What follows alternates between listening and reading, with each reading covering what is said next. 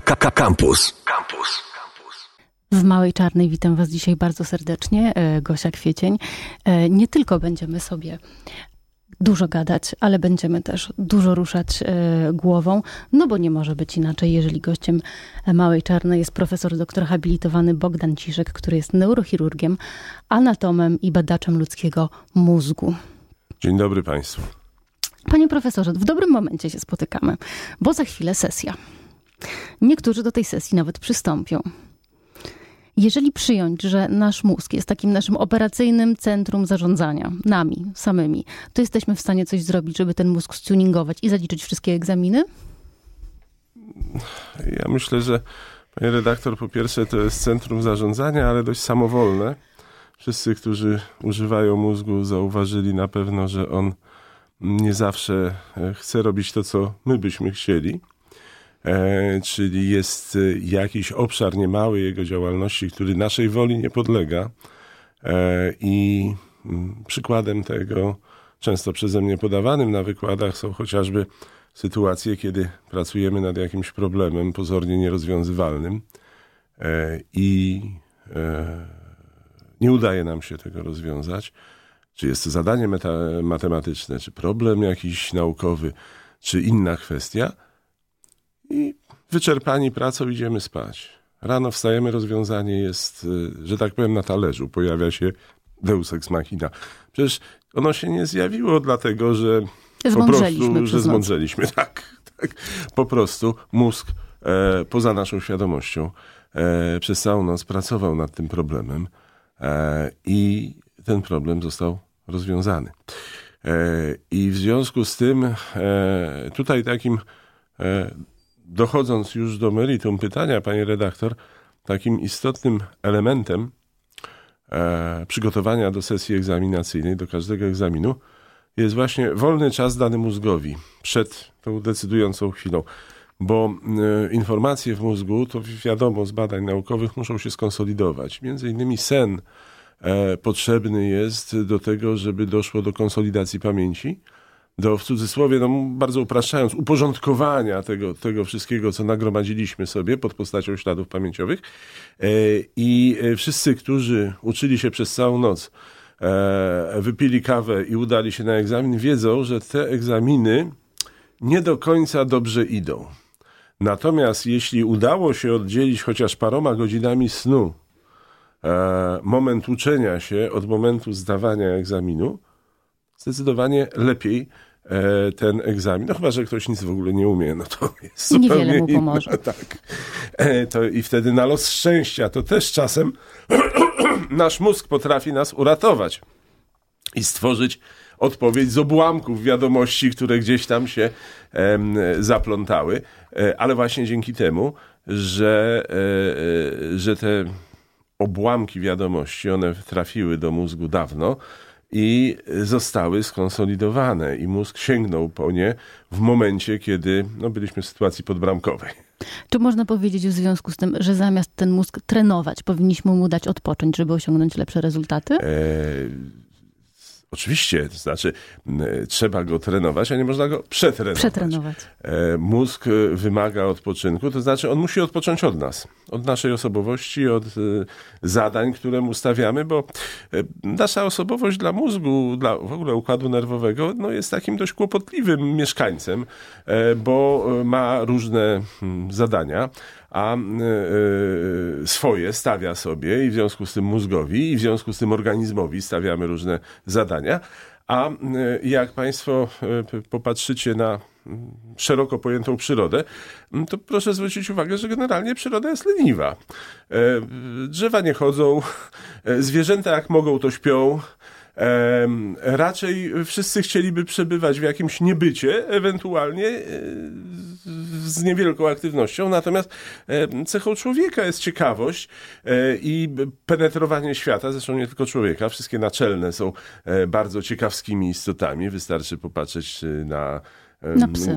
Psy, no psy nie na, to nie naczelne, ale psy oczywiście są tak. ciekawskie, tyle tylko, że do, do, dochodzą mniej więcej, jak się mówi, do poziomu trzylatka e, z tą ciekawością, no ale naczelne tu miałem oczywiście na myśli szympanse, czy goryle, czy inne małpy, które są niezwykle ciekawskie i, e, i, i cały czas e, tym światem zainteresowane, ale jednak jak popatrzymy na, na grupę szympansów na przykład, E, to okazuje się, że w porównaniu z ludźmi to, to zainteresowanie światem jest jednak bardzo ograniczone, e, wyznaczone przez biologiczne e, granice, w jakich ta grupa żyje, no i oczywiście ich bagaż genetyczny, no bo pewnych rzeczy się nie przeskoczy, również będąc człowiekiem.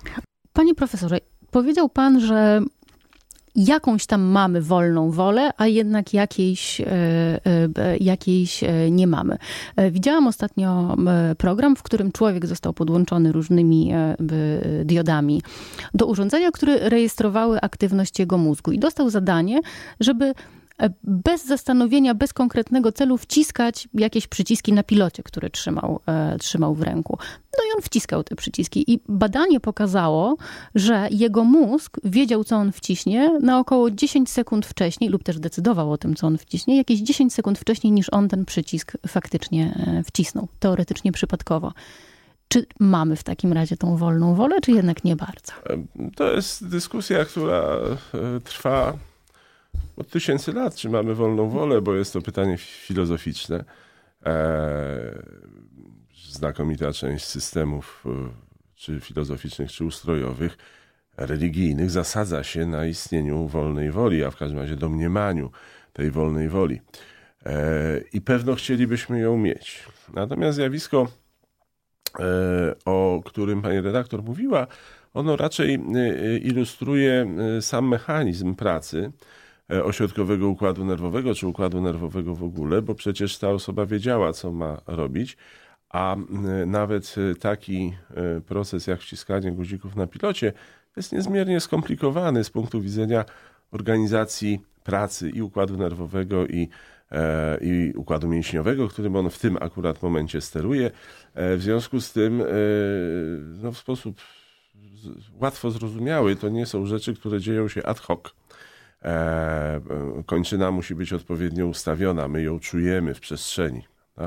E, mózg odbiera te informacje, do, do nich dostosowuje napięcie mięśni. To się dzieje oczywiście poza naszą świadomością, to są reakcje odruchowe, e, ale one zajmują pewien czas i w związku z tym decyzja, która pojawia się tam w tym zapisie e, elektroencefalograficznym, bo to pewno była jakaś forma takiej e, elektroencefalografii, e, ona musi zapaść wcześniej niż wykonanie przez tą osobę danej czynności. Czyli to raczej nie jest zanegowanie wolnej woli, wręcz przeciwnie. To, co tam się pojawiło w zapisie, jest wolną wolą. Tak się wydaje, ale trzeba sobie zdawać teraz sprawę z tego, że mamy mnóstwo ograniczeń. E, które tą wolną wolę, mm, można powiedzieć, kierunkują e, w określonym e, w określoną stronę, w określoną, w określoną decyzję. stronę, w mhm. określonym celu postępowania.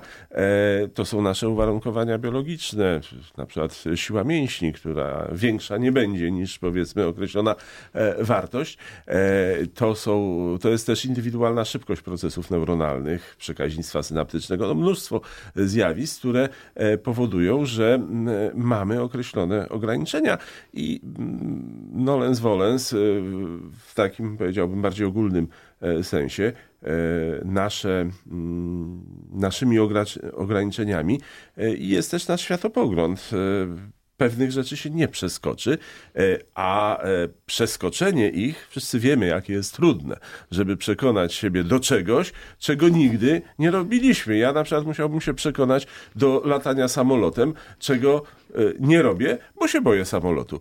I Nikt mnie nie przekona, żebym na pokład samolotu wsiadł. W związku z tym e, to jest ograniczenie mojej wolnej woli, bo ja Nie polecę za wielką wodę e, do Ameryki, nie polecę do Australii.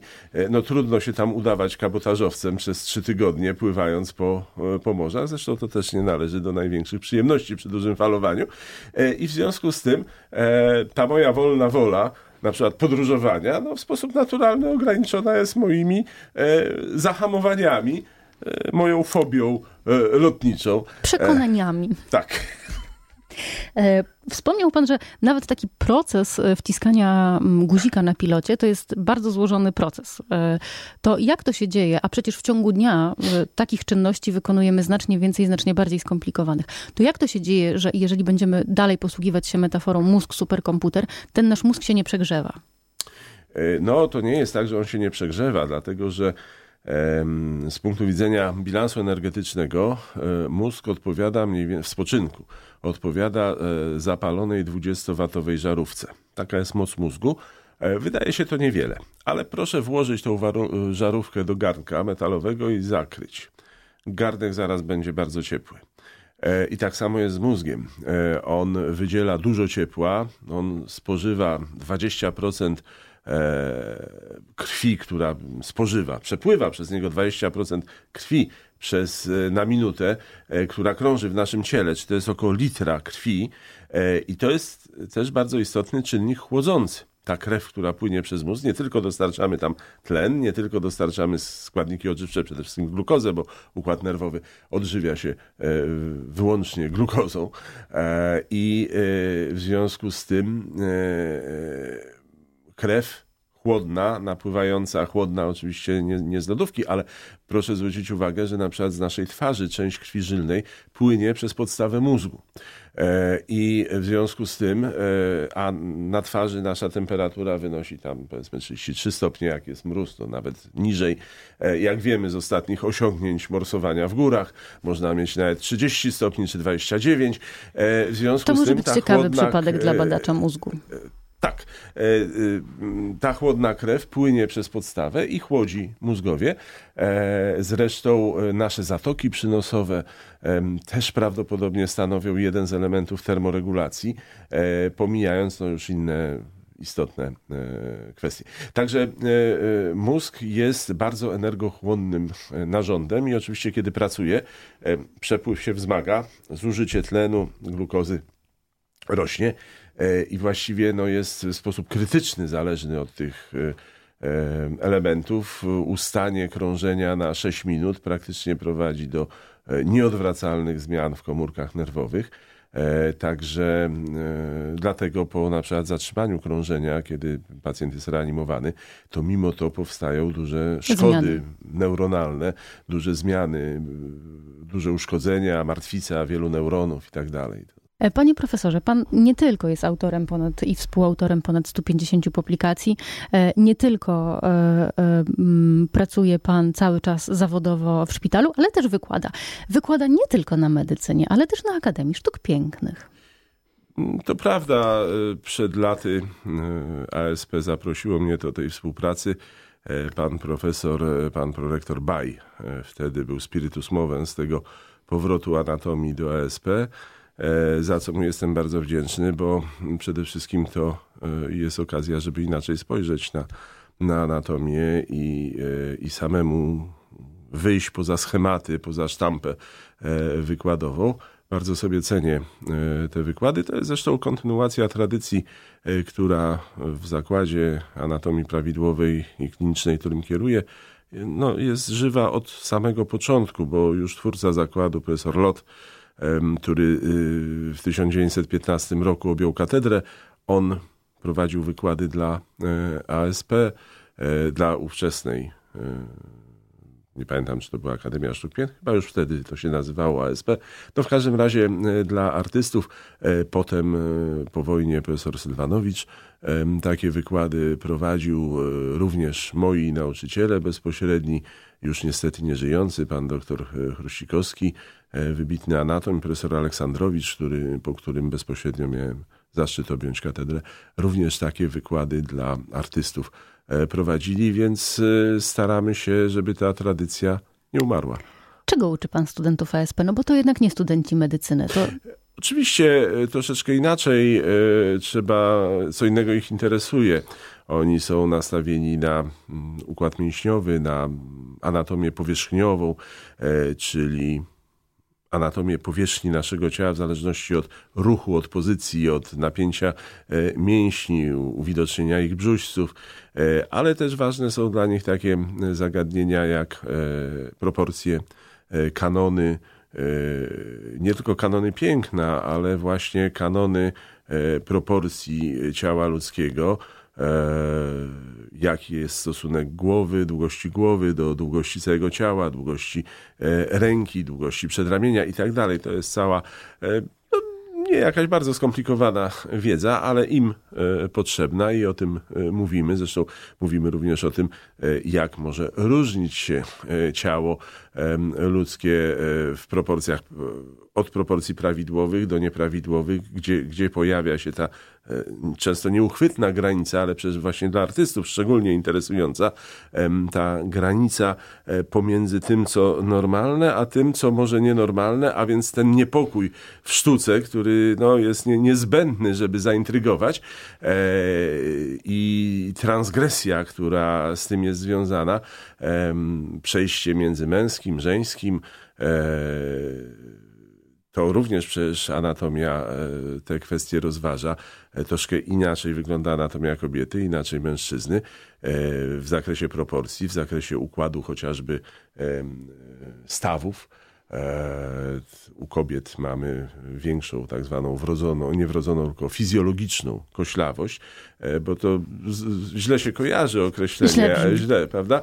Ale e, dla, dla wyrównania trzeba powiedzieć, że panowie cechują się fizjologiczną szpotawością częściej. O, to już jest to, to sprawiedliwie. Kończyn, żeby było sprawiedliwie. A chodzi po prostu o to, że kąt, szczyt kąta, jaki tworzy na przykład ramię i przedramię, u kobiet skierowany jest przyśrodkowo i jest to bardziej widoczne. Każdy może wyciągnąć kończynę przed siebie i zobaczyć, jak to wygląda.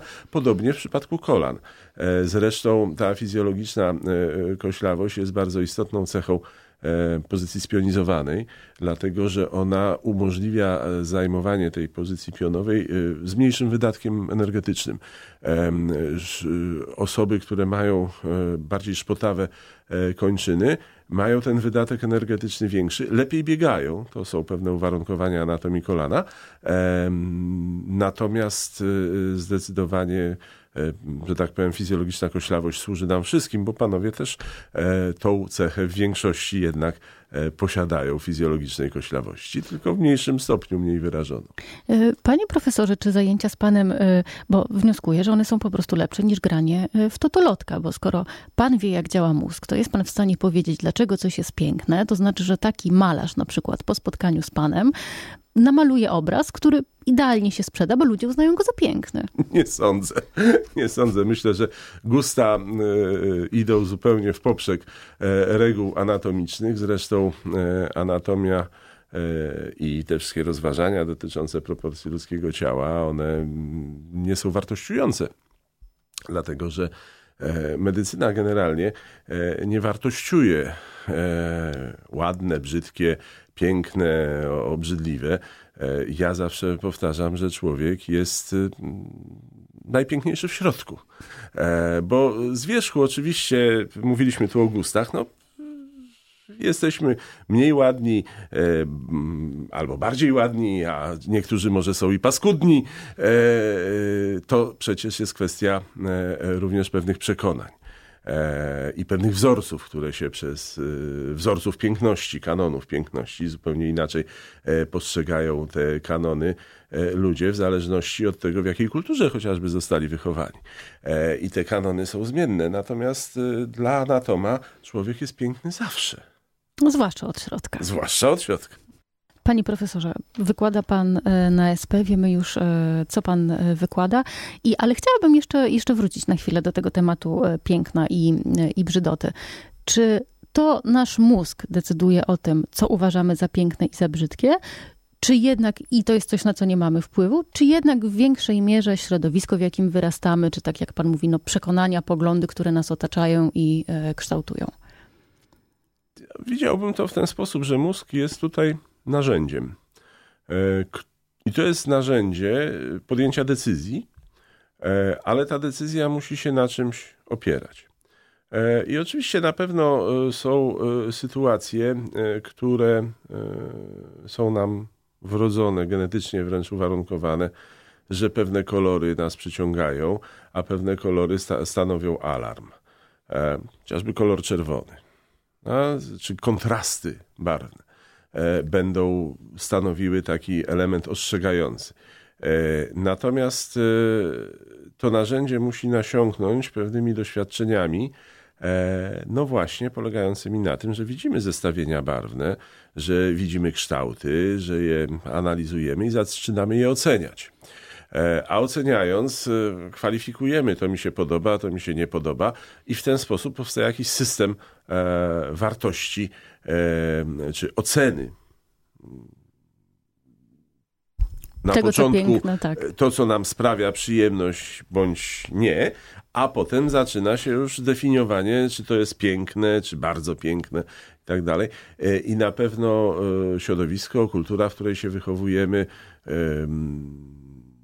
ma ogromny wpływ na to, oczywiście również no, punkt globusa, mówiąc, upraszczając, bo y, inaczej y, na pewno piękno postrzega y, chociażby Inuita, Eskimos, E, a inaczej mieszkaniec Afryki subsaharyjskiej, bo oni wychowali się w zupełnie odmiennych geograficznie obszarach, e, w innej gamie kolorystycznej, e, co na pewno do, do pewnego stopnia też będzie i warunkowało możliwość postrzegania po latach życia pewnych zjawisk barwnych, bo mózg jest wyczulony przez lata używania określonego środowiska geograficznego na odróżnianie E, pewnych kontrastów, ale w odróżnianiu innych z kolei się nie wyćwiczył. Mhm.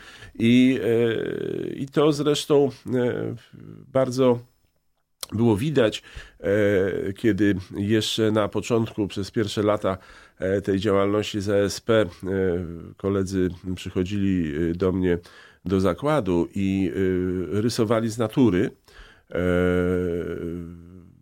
to dopóki tym modelem był e, kościec, e, to wszystko szło dobrze. E, dlatego, że kościec jest jak rzeźba. Prawda? Są cienie, punkty jasne, uwypuklenia.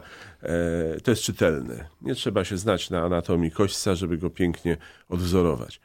Ale już przejście na tkanki miękkie powodowało, że brak aparatu pojęciowego i brak obycia e, z tym materiałem e, powodował, że rozsypywała się cała ta, powiedziałbym, narracja graficzna w pracach. To było dla, dla nich bardzo trudne. E, choć oczywiście no, nie, nie, niemożliwe do pokonania, bo to jest właśnie kwestia zdobycia doświadczenia. E, wiemy, że byli przecież malarze fascynujący się e, tematami rzeźniczymi, mięsnymi i zarówno chociażby cała grupa malarzy holenderskich, którzy zajmowali się odwzorowywaniem chociażby tam połci mięsa i tak dalej, e, ale e, i w sztuce nowoczesnej e, byli fascynaci tematów rzeźniczych, którzy malowali właśnie rozmaite Elementy. tego typu, tego typu tematy, zgłębiali. Także jest to jak najbardziej możliwe, tylko no, jest to właśnie przykład takiej, takiej sytuacji, że trzeba się pewnych rzeczy nauczyć. E, postrzegać. Mózg się musi nauczyć postrzegania pewnych rzeczy i to nie dzieje się od razu. To wymaga czasu, to wymaga ćwiczenia, jak wszystko. E, tak samo z tym e, pilotem, od którego zaczęliśmy. My go używamy odruchowo, ale niech Państwo popatrzą, jak będzie używało tego pilota e, małe dziecko, którego pierwszy raz w życiu dostanie do ręki. Ono go musi najpierw zbadać, zważyć swoją ręką, nauczyć się Czyli jak jeszcze nie rodzimy się... się, jeszcze nie rodzimy się z umiejętnością obsługi tableta tak, i... E, dobrze. Absolutnie nie. Co obcowanie z mózgiem, co obcowanie ze sztuką robi z naszym mózgiem? Myślę, że to to samo w jakimś sensie, oczywiście trywializując, bo ja, ja mam skłonności do trywializowania spraw. Nie lubię chodzić na wysokim jakimś diapazonie. Bo to męczy mózg. E, tak, to męczy mózg, tak. Jestem leniwy generalnie, ale mm, ja myślę, że e, ponieważ nasz mózg należy do istoty ciekawskiej. E, potrzebuje ciągle stymulacji. My teraz jesteśmy w takim fazie kultury, która wręcz e, przebodźcowuje, przestymulowuje, bo ciągle atakują nas z zewnątrz e, różne kolory, kontrasty, dźwięki, zdarzenia, co chwila nowe i wręcz nawet jeśli nie, nie mamy takiego poczucia, że chcielibyśmy gonić za nowościami, one doganiają nas. Odruchowo, ja sam nawet czasem siedząc przed komputerem, tam przejrzę jakiś e, portal informacyjny e, i za chwilę patrzę, no jak to, nie ma żadnej nowej wiadomości. Nawet mnie to dotyka, chociaż nie, nie, nie łaknę tak bardzo zmiany w swoim e, życiu i, i w swoim otoczeniu. W związku z tym sztuka na pewno dostarcza mózgowi podniet które e, pozwalają mu być. Dla niektórych jest niezbędna, ale e, gdyby zamiast obrazu był piękny krajobraz, to jest to samo. Z punktu widzenia biologicznego nie ma żadnej różnicy. To może być i brzydki krajobraz. Czyli pójście do, na spacer do lasu y, dla mózgu jest równorzędne z pójściem do galerii. W pewnym sensie tak, tylko to trochę może być e, jednostajna galeria. E, choć oczywiście to wszyscy, którzy znają i kochają las, zaraz się oburzą na moje słowa, ale proszę zwrócić uwagę, że e, to mózgowi też jest bardzo potrzebne zmniejszenie intensywności bodźców. Las jest takim zmniejszeniem intensywności bodźców dla mnie bo idziemy dajmy na to drogą, powtarzalny rytm drzew, po, powtarzalny rytm kolorów, e, to na pewno wpływa tonizująco na e, rozbuchany tymi nowymi wiadomościami i bodźcami mózg. E, I wszyscy, to, to nie jest żadna wielka mądrość, każdy tego doświadczył, że e, kolor zielony nas wycisza, e, że brak dużych kontrastów barwnych nas wycisza, pozwala odpocząć.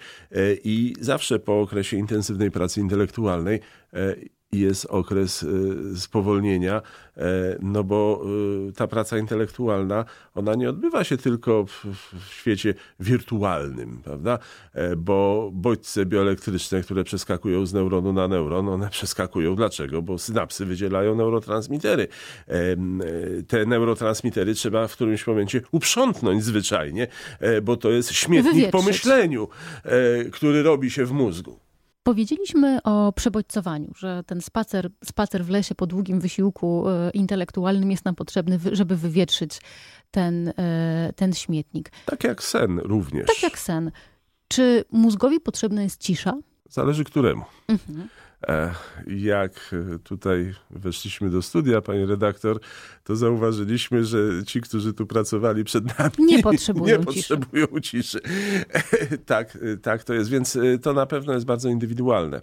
E, ja myślę, że to się zmienia również z wiekiem i jest to związane ze zmianami no, związanymi ze starzeniem się układu słuchu. Taką charakterystyczną rzeczą E, jest, że młodzież lubi głośną muzykę. No, lubi głośną muzykę, dlatego że ją może bez problemu znieść. E, ja, będąc nastolatkiem, akurat tak zacząłem nietypowo od muzyki poważnej. E, I moi rodzice po którejś tam symfonii Beethovena wchodzili do pokoju i mówili: Wyłącz wreszcie ten hałas. Mimo, że to była muzyka poważna, wydawałoby się, że powinni być zadowoleni. E, no ale ja jej słuchałem na pełny regulator rozkręconej, więc rozumiem, że kolejna symfonia mogła być już wyczerpująca. A dlaczego tak się dzieje? Dlatego, że ucho się starzeje, e, e, tracimy zdolność odbioru zarówno bardzo niskich, jak i bardzo wysokich tonów. Zostaje nam środek i proszę zwrócić uwagę, że dla osób y, starszych, a to się zaczyna różnie, czasem już po 40, e, zaczyna być problem z rozróżnieniem mowy, kiedy mamy do czynienia z hałasem, z jakimś szumem. To jest bardzo męczące, dlatego że e, mózg e, się wtedy bardziej stara, stara no, prawda, żeby wyodrębnić to, co chciałby usłyszeć z hałasu i to jest, i to jest dla niego wyczerpujące po prostu. Jednocześnie duże natężenia dźwięków są przez takie ucho odbierane jako uraźliwe. E, dlatego e, ludzie, mówiąc oględnie starsi, e, umownie, ale tak jak mówię, ta starszość zaczyna się czasem bardzo wcześnie, nie tolerują. Ja sam kiedyś słuchałem głośniej muzyki niż słucham teraz, bo ucho się zestarzało i ono po prostu źle odbiera duże natężenie, duże natężenie dźwięków. Pamiętam, jak kiedyś z dziećmi poszedłem na koncert ACDC na Bemowie, no to oni byli pod sceną, a ja musiałem się oddalić o jakieś 150 metrów, żeby móc w ogóle posłuchać Znieść zespołu, to. który był zespołem mojej młodości. Więc e, e, z ogromną przyjemnością byłem na tym koncercie, ale nie za blisko, dlatego że fala fizycznie ta fala dźwiękowa, która przelatywała przez klatkę piersiową, była dla mnie nie do zniesienia. To też są wrażenia, które e, dla młodych ludzi są czymś akceptowalnym, intrygującym, a no, dla staruchów, przepraszam, że użyję takiego słowa, ale używam go w stosunku do siebie, już nie. E, w związku z tym e, e to na, zresztą wykorzystano to, jak wiemy doskonale, e, komercyjnie, e, bo e, wprowadzono sygnały w telefonach, które były słyszalne tylko dla dzieci, a dla dorosłych nie. Właśnie dlatego, że one znajdowały się w tym zakresie częstotliwości, których dorośli już nie słyszeli.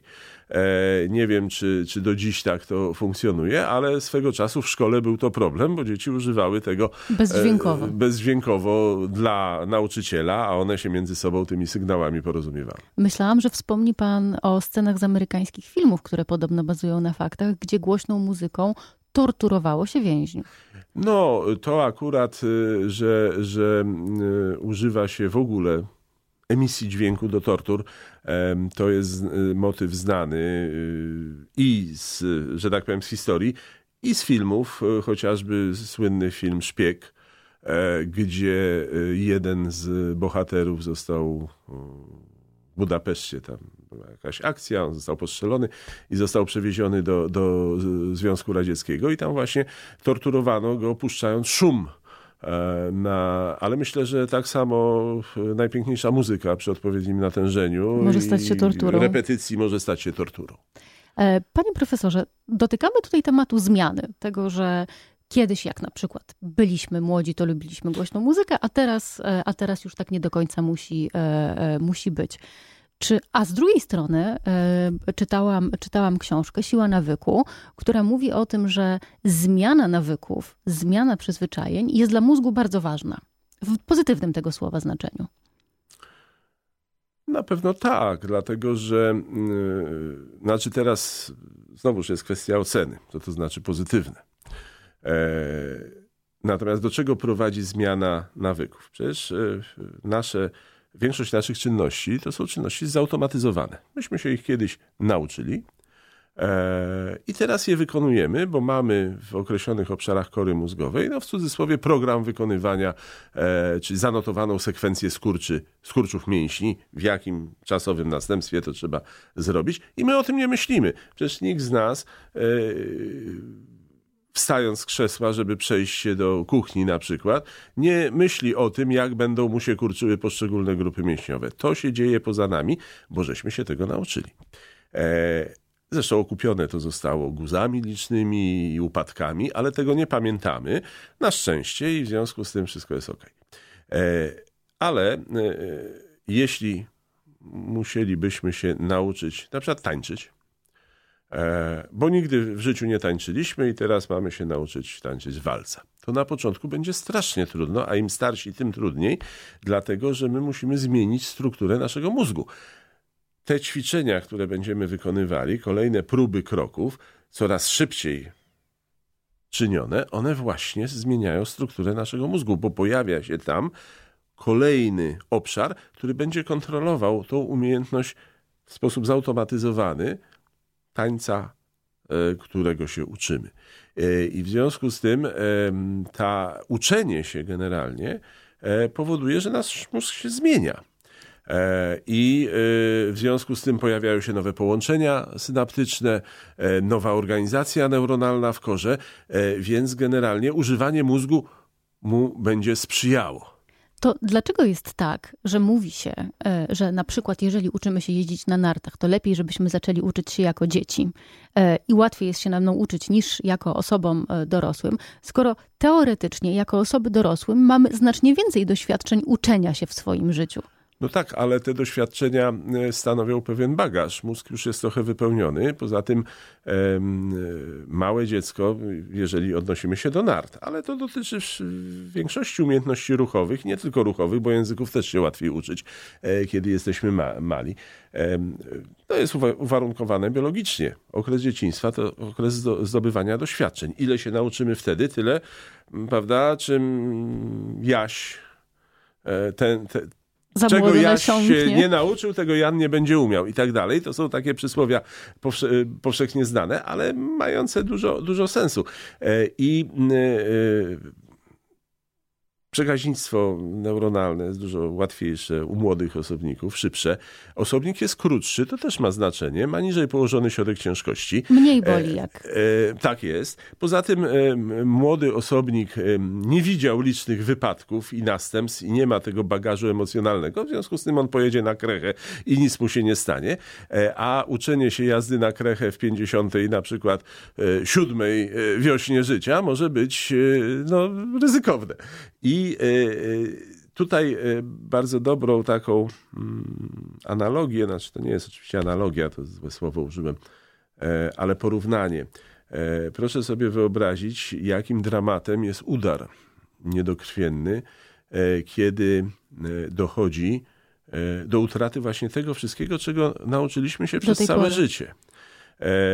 Często mówi się, że człowiek po udarze musi się na nowo nauczyć chodzić. Tak, nawet może nie mieć niedowładu ale jeżeli utracił te wszystkie e, wyuczone, zautomatyzowane programy, programy zautomatyzowanej kontroli ruchowej, e, mówiąc w uproszczeniu, no to, e, bo stracił część kory mózgu, to po pierwsze trzeba, mózg musi sobie wygospodarować jakąś część, która zajmuje się czym innym, prawda, ewentualnie niczym, więc trzeba zmusić to, tą korę, żeby tam osadzić ten ślad pamięciowy i trzeba się właśnie na nowo nauczyć stawiać kończynę. Trzeba się na nowo e, nauczyć, e, gdzie ona jest w przestrzeni. E, więc dla osoby po udarze mózgu ten proces rehabilitacji dlatego jest tak trudny, bo ona po pierwsze utraciła to, co miała, i znacznie trudniej odbudować to, co, co się, się utraciło. Ale jest pewna możliwość i zdolność regeneracji mózgu, na przykład po udarze. Co do regeneracji y, i ośrodkowego układu nerwowego, to musimy y, się wypowiadać z ogromną ostrożnością. E, dlatego, że e, przez y, dziesięciolecia, właściwie stulecia wręcz, e, było założenie, że nie ma regeneracji neuronów. I w sensie globalnym jest to słuszne. Natomiast jak zwykle diabeł tkwi w szczegółach i już kilkanaście lat temu stwierdzono, że po pierwsze są obszary w naszym mózgu, gdzie cały czas neurony się mnożą. Taka nasilona neurogeneza, czyli powstawanie nowych neuronów, ona się kończy mniej więcej w drugim roku życia. A w, obszarze, w obszarach e, płata skroniowego, w hipokampie, e, stwierdzono, że do końca życia powstają nowe neurony, tylko bardzo wolno. I to nie jest e, z niewielką intensywnością. I to nie jest intensywność, która pozwoliłaby na przykład naprawić takie uszkodzenia, jakie powstają w wyniku udaru czy urazu ciężkiego, czaszkowo-mózgowego itd. Tak dlaczego tam? Prawdopodobnie dlatego, że to są struktury związane z pamięcią a pamięć ma tyleż podstawę funkcjonalną, jak morfologiczną. E, I e, wiadomo na przykład, że rozpozna za, za rozpoznanie twarzy, rozpoznaniem konkretnej twarzy ludzkiej związana jest aktywacja konkretnego neuronu e, w płacie skroniowym. A ponieważ my poznajemy ciągle nowych ludzi, nowe sytuacje, nowe obrazy, to potrzebujemy nowych neuronów prawdopodobnie w tych e, obszarach e, płata skroniowego, e, dlatego one tam się właśnie namnażają, ale jak mówię, w porównaniu z neurogenezą młodego, rozwijającego się mózgu jest to bardzo znikoma, znikoma kwestia. Wiadomo, że czasem udaje się zaobserwować regenerację włókien nerwowych, ale znowuż ona jest bardzo ograniczona i stąd niepowodzenia w naprawie uszkodzonego rdzenia kręgowego, e, bo tam próbuje się między innymi koledzy z Wrocławia, pan profesor Jarbundowicz, profesor Tabakow opracowali taką metodę i mieli tam pewne dość spektakularne sukcesy, e, ale jest to bardzo trudne w wymuszeniu regeneracji włókien nerwowych w uszkodzonym rdzeniu, e, rdzeniu kręgowym. E, I to ta blokada jest biologicznie uzasadniona, bo mózg możemy porównać do sieci telefonicznej i ona nie może się ciągle zmieniać, bo stracimy koordynację. Czego w takim razie powinniśmy życzyć naszym mózgom, poza tym, żeby nam się szybko generowały nowe neurony? E, spokoju. Spokoju. Spokoju, ale przerywanego e, intrygującymi wydarzeniami. Mam nadzieję, że taka właśnie będzie e, Wasza niedziela i cały nadchodzący e, tydzień a i w ogóle całe życie. Profesor doktor habilitowany Bogdan Ciszek, neurochirurg, anatom, badacz ludzkiego mózgowia. Panie profesorze, serdeczne dzięki za tę godzinę. Dziękuję panie redaktor, dziękuję państwu. A mam nadzieję, że słyszymy się e, za tydzień w, w równie świetnej formie intelektualnej. Do usłyszenia, Gosia Kwiecień, cześć. Słuchaj Radio Campus, gdziekolwiek jesteś. Wejdź na www.radiocampus.fm.